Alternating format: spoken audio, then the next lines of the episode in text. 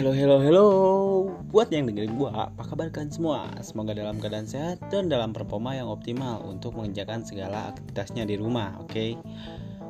Gue Bayu, sekarang gue bakal jelasin Pesan dan kesan gue selama mengikuti rangkaian Sadia Garwa 2020 Awalnya sih tegang, karena stigma tentang ospek itu pastinya menakutkan, iya kan?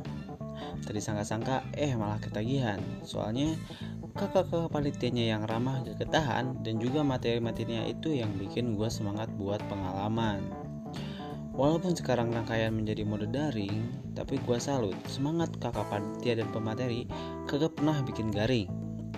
Banyak-banyak terima kasih dari gue buat kakak-kakak panitia yang udah persiapin semuanya.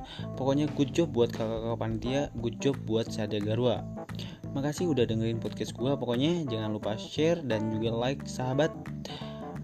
Bye bye.